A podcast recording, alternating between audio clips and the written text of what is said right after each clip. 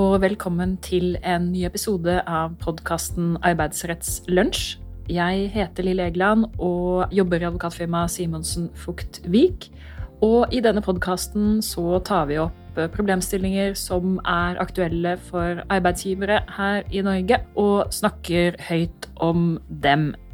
Dagens tema er et veldig aktuelt tema som mange arbeidsgivere har spurt oss mye om i det siste nemlig hjemmekontor i utlandet. Så eh, i dag tenkte jeg at vi skulle gå gjennom en del temaer som er aktuelt knyttet til hjemmekontor i utlandet. Og som vanlig oppfordrer jeg deg jo til å komme deg ut på tur mens du hører på.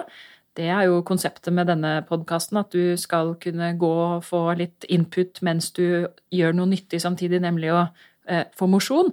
Så eh, kom deg ut, gå på tur, og så skal vi kverne oss gjennom spørsmålet med hjemmekontor i utlandet. Og det spørsmålet var jo ikke så veldig aktuelt for så veldig mange før koronapandemien. Og som vi alle vet, så har vi jo nå hatt halvannet år bak oss hvor vi som både arbeidsgivere og arbeidstakere ser at, at arbeid kan jo faktisk utføres hvor som helst.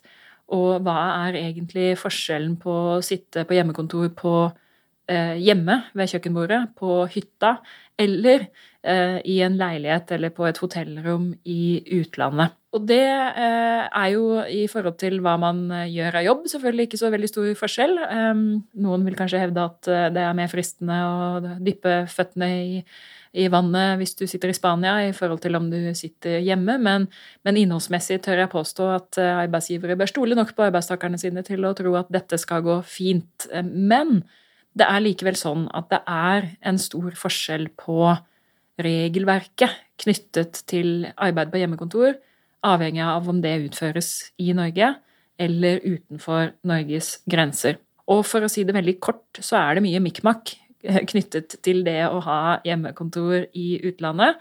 Og det er noe som man som arbeidsgiver må tenke grundig gjennom fra et mer sånn praktisk perspektiv før man velger å tillate det. Når det er sagt, så mener jo jeg at dette er fremtiden. Det er en personlig oppfatning. Det er fremtiden at man som arbeidsgiver tillater det innimellom til sine arbeidstakere. Eh, så skal det være en attraktiv arbeidstaker, så tror jeg det å ha en strategi for hvordan du skal håndtere den slags, er viktig for deg. Men det er jo i en sånn tankegang om hjemmekontor nettopp det første man må ta stilling til, nemlig er dette noe vi er villige til å tilby våre ansatte, eller er det ikke det? Det er et sånt strategisk spørsmål som man må, rett og slett ta stilling til. Um, ja eller nei? Og sier man nei, det blir for mye mikmak og skulle håndtere uh, alle mulige slags um, problemstillinger ved arbeid utenfor Norge, så er det også helt fair. Og da har man tatt den vurderingen, så kan man heller bare ta den opp igjen senere og vurdere om, om man skal endre på den.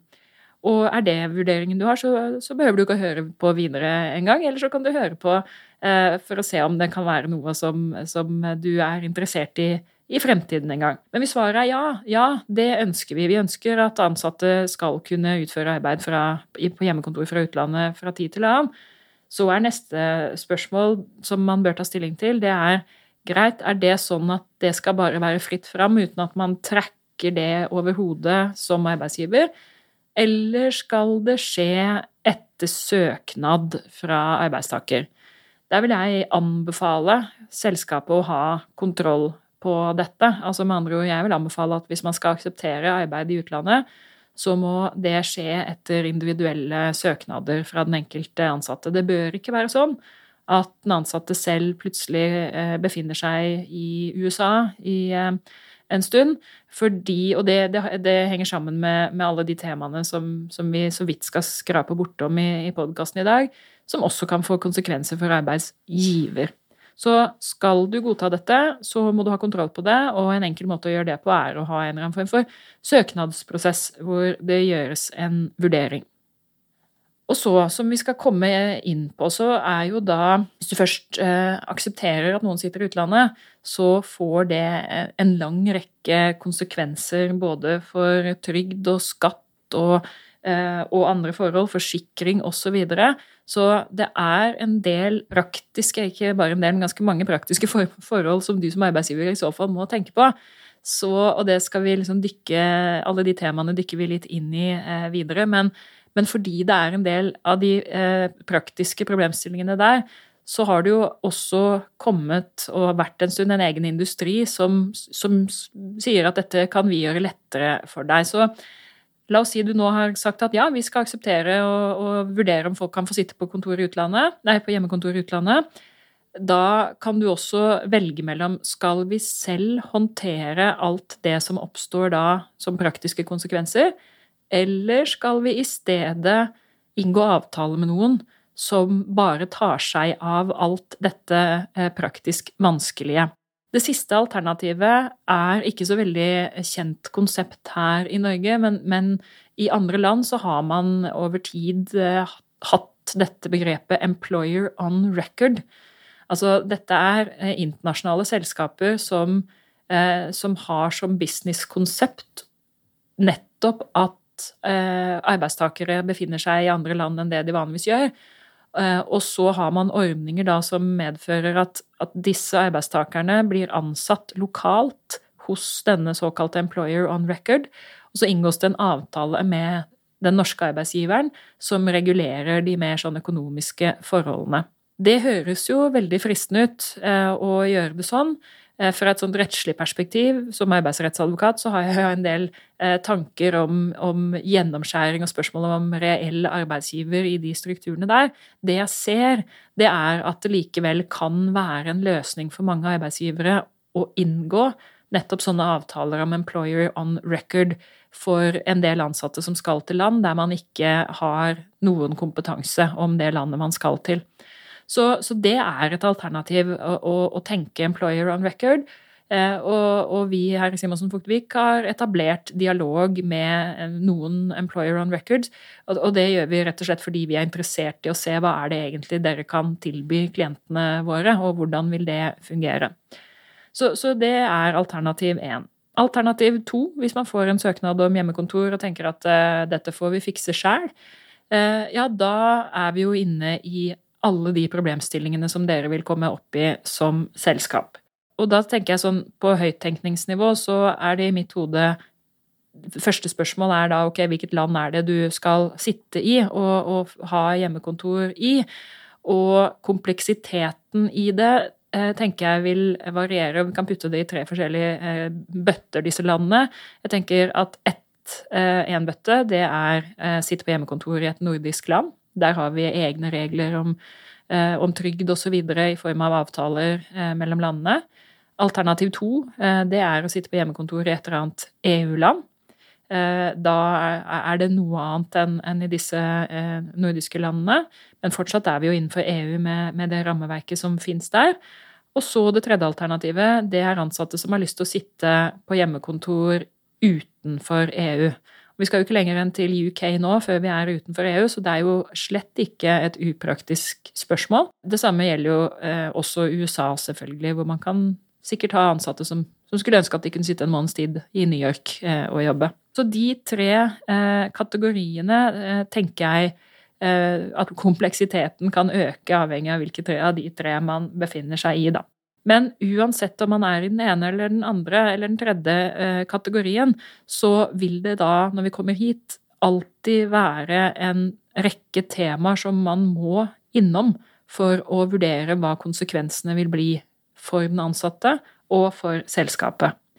Um, og stikkordene uh, og de tingene man må inn i da, som arbeidsgiver, det er følgende. For det første så er det jo relevant eh, å se på dette, hvilken effekt dette får på trygdesituasjonen til den ansatte.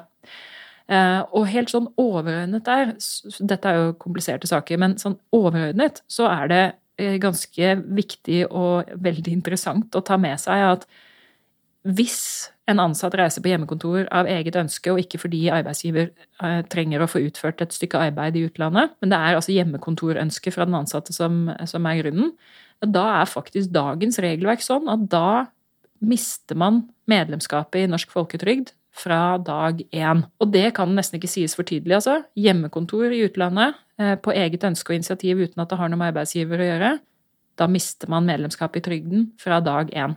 Og det er selvfølgelig ikke eh, bare Det er ikke bare bare det. Eh, og, det innebærer at eh, det er et forhold som man er nødt til å adressere. Så vil det liksom komme an på både reiseforsikring og land osv. hvordan man skal håndtere det.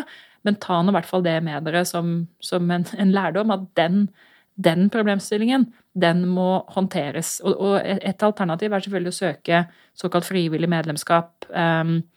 Fra, fra, Norge. Kommer an på hvor lenge du skal være ute osv. Men sjekka det på lista over ting som man skal tenke på. Det andre temaet som er viktig å tenke på, det er jo det skattemessige.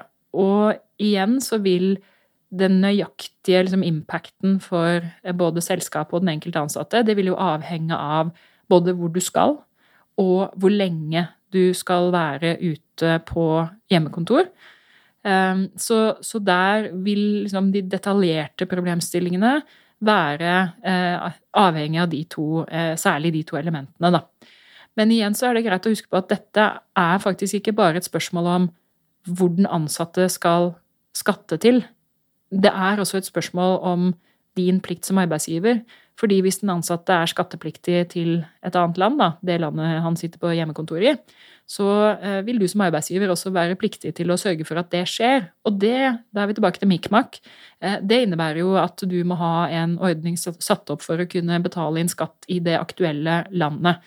Så det må på plass, eh, og, der tenker jeg Enten har du systemer for det fordi du er et stort internasjonalt selskap med kontakter i utlandet, eller så må du avklare med regnskapsbyråer i, i utlandet.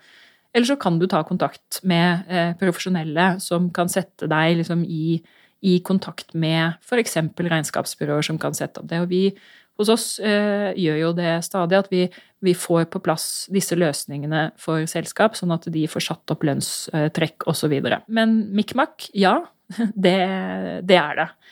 Eh, og det er jo da din plikt til å betale skatt på vegne av eh, Eller førskuddstrekk på vegne av arbeidstaker, men, men husk også på at du må også vurdere om dette får en effekt på deg som selskap. Fordi hvis du har arbeidstakere som sitter og utfører arbeid i utlandet, eh, og agerer på vegne av selskapet, f.eks. inngår kontrakter og sånn mens de sitter på hjemmekontor, så risikerer du et såkalt fast driftssted i eh, dette landet. Og nå er jo ikke jeg en skatteadvokat, jeg er jo en arbeidsrettsadvokat, så jeg bare vet at det er et begrep som finnes. Men i min arbeidsrettsadvokatverden så innebærer det også en del mikmak fra et skatterettlig perspektiv, fordi plutselig må du drive og levere inn skattemessige ting i det landet eh, som den ansatte sitter. Så det også må avklares eh, før du da eh, bestemmer deg for at eh, du kan akseptere hjemmekontor i utlandet. I tillegg så har vi eh, eh, kategorier som, som, forsikring, altså i hvilken grad for, forblir man medlem i de ulike forsikringsordningene som man har.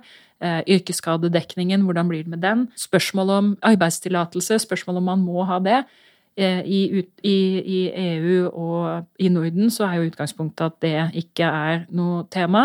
Eh, befinner du deg i UK eller eh, USA eller andre ikke-EU-land, så bør du som arbeidsgiver også ha hatt en tanke på det, fordi du ønsker jo ikke en arbeidstaker som, som bryter loven ved å sitte og arbeide der. Så det må også tenkes på, spørsmålet om, om immigration. Eh, og så har du spørsmålet om person, eh, personvern, eh, som også må vurderes. Igjen så tenker jeg at innenfor EU så, så vil det å utveksle og åpne mailen sin i et EU-land ikke være et stort problem. Derimot, hvis du sitter utenfor EU, så, så, må du nok tenke på spørsmålet om dette er en såkalt utlevering av informasjon til ikke-EU-land. Og så Eh, er nok ikke det liksom det aller største problemet å få på plass, men at du må ha tenkt på det og ha et bevisst forhold til det og ha noen tiltak knyttet til det som arbeidsgiver, det tenker jeg blir veldig viktig. Og så er det jo også sånn at eh, hvis en arbeidstaker sitter lenge i eh, utlandet og jobber på hjemmekontor, så kan man tenkes at norsk lov Eh, ikke lenger gjelder, eller at deler av den utenlandske loven vil gjelde for det arbeidsforholdet. Noe som også kan være greit å ha et blikk til hvis det f.eks. er et land hvor det er veldig gunstige regler som gjelder for arbeidstaker. Nå er jo som en parentes bemerket Norge et av de mest arbeidstakervennlige landene. men likevel sånn at det å ha et blikk til det også er, er viktig, da.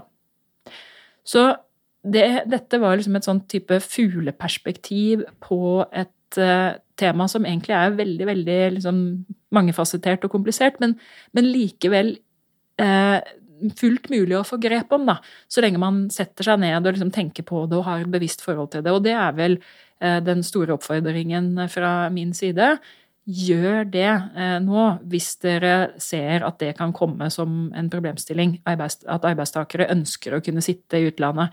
Eh, og tilbake til det jeg begynte med. Selv om dette er mikmak, så kan det godt tenkes at det er mikmak som du skal ta deg bryet med og tiden til å, eh, å gjøre. Fordi fremtidens arbeidsliv er mer Eh, mobilt eh, enn det vi trodde det ville være for bare to år siden. Ja, da håper jeg du har fått en, en, en, et fugleperspektiv på, på dette hjemmekontor i utlandet-problematikken. Og så at du har fått gått deg en rask tur mens du har hørt på. Og sier tusen takk for at du hørte på, og vi høres igjen i neste episode.